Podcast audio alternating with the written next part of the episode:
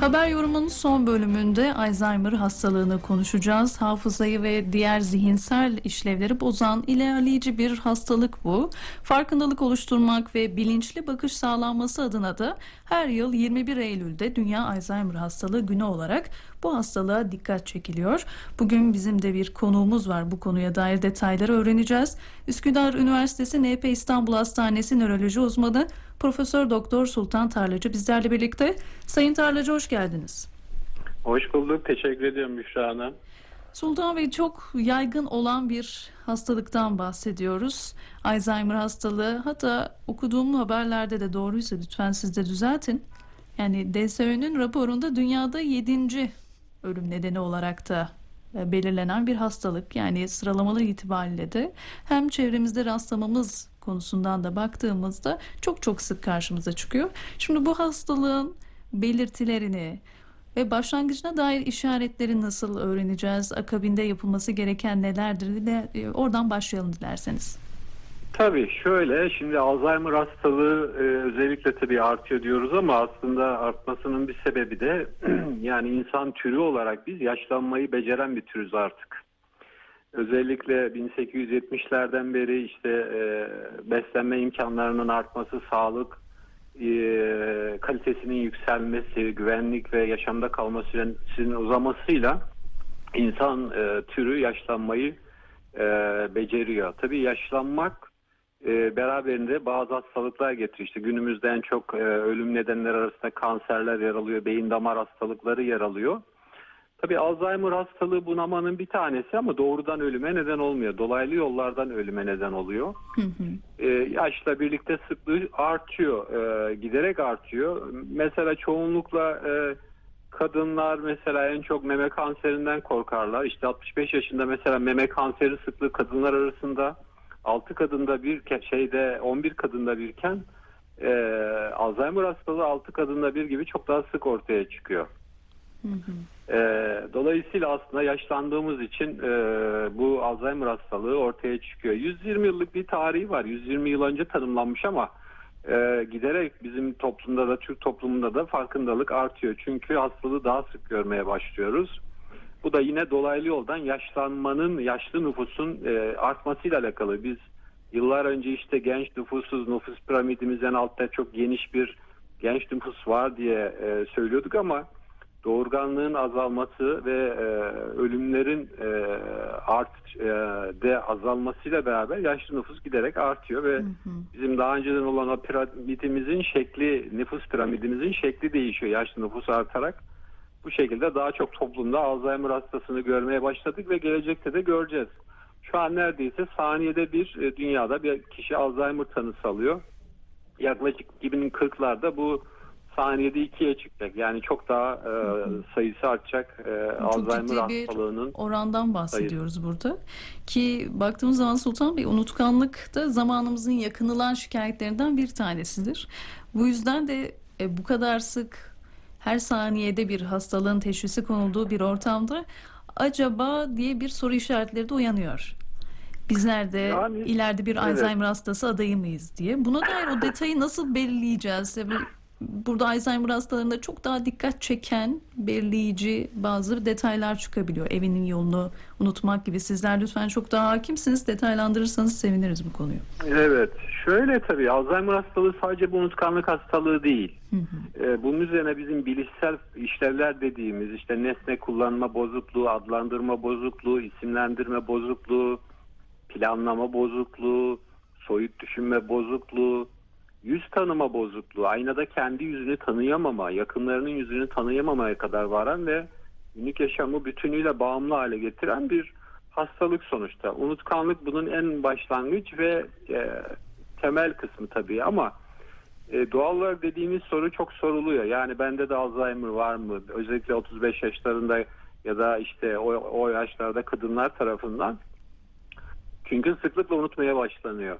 E, aslında biz günlük yaşamımızda sürekli unuturuz zaten. Yani sürekli hatırlayan ve unutmayan bir beyin diye bir şey söz konusu değil. E, dolayısıyla unutma bizim doğamızda var. Onun için sınavlara gireriz, tekrar tekrar çalışırız, tekrar tekrar okuruz ki kalıcılığı olsun. Yaklaşık 80 yıldır bilinen bir şey var. Yani beni şu anda dinleyenler bir saat sonra bu konuştuklarımızın yaklaşık yüzde kırkını hatırlayacak. Yarın sabah yani 24 saat sonra ya da yarın bu saatlerde e, yüzde otuzu hatırlanacak. Bir ay sonra yüzde 25 hatırlanacak. Ya da yüzde 20'si yaklaşık. Yani demek ki biz sıklıkla unutuyoruz. Buradaki mesele şu. e, unutmayla unutkanlık hastalığı arasındaki geçiş önemli esasında. E, çünkü yaşlanmaya bağlı zaten unutkanlıkta da bir artış olabilir. Fakat günlük yaşamı etkilemez ve bağımsız olarak bütün aktivitelerini kişiler devam ettirirler. Onun dışında en özelliklerinden bir tanesi de şudur belki. Yani kişi bir şeyi unutursunuz siz.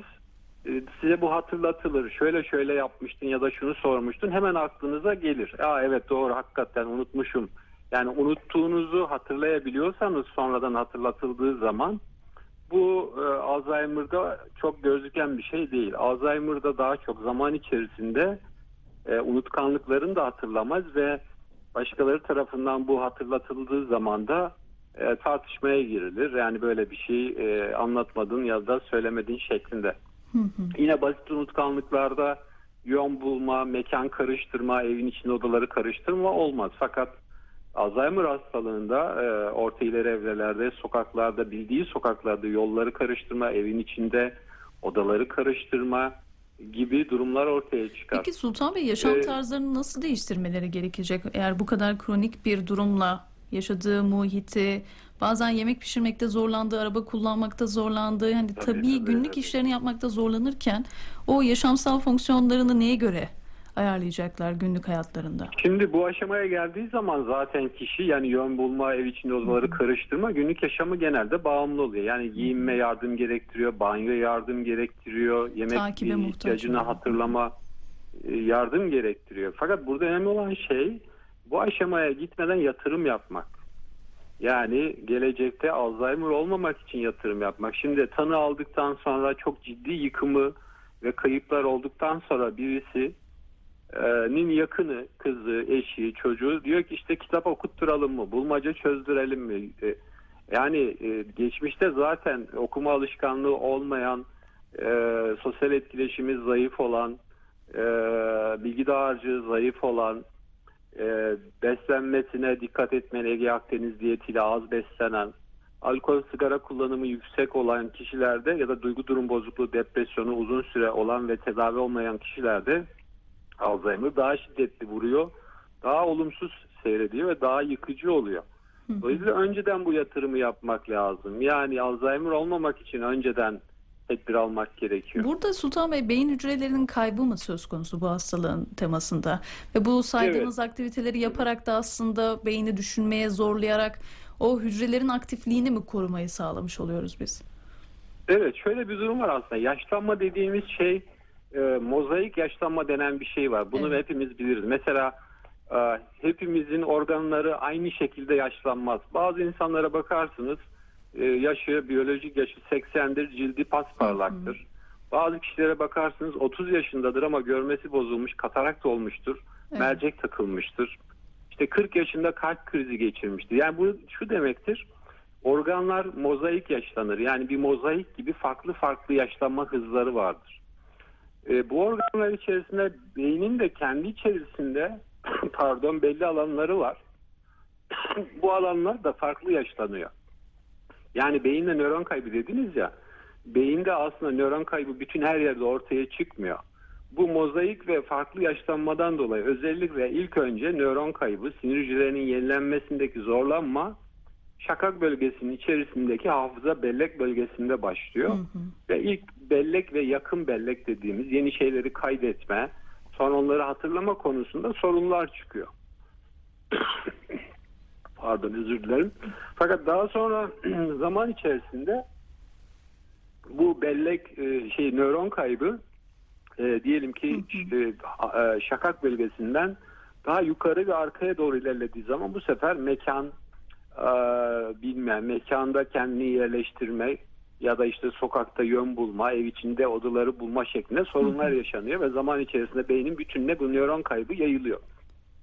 Burada önemli olan şey nöron kaybını nasıl azaltabiliriz, var olanları nasıl aktive edebiliriz? Sultan yani Bey. koruyucu hekimlikle Tabii. devreye giriyor. Süremizin de sonlarına da doğru geldik ama bu hastalığı tanımaktan, bu hastalığın olduğundan korkmamanın önemini aslında belki burada hatırlatarak dilerseniz söyleşimizi noktalayalım. Çok teşekkür ederiz paylaşımlarınız için. Erken tanının, erken e, biraz da kendine iyi bakmanın önemini sizinle bir kez daha vurgulamış olduk. Bu Alzheimer hastalığının detayını bizlere Üsküdar Üniversitesi NP İstanbul Hastanesi nöroloji uzmanı Profesör Doktor Sultan Tarlacı aktardı efendim. Bizler de sizlere bugün veda ediyoruz. Dileriz kendimize iyi baktığımız güzel günlerimiz olsun diyelim. Programı sizler için Melek Baysal hazırladı. Teknik Masada Soner Yiğit sesimizi ulaştırdı. Mikrofonda da ben Büşra Atayır'dan vardık efendim. Yarın saat 12'de tekrar Radyo 1'de görüşmek üzere.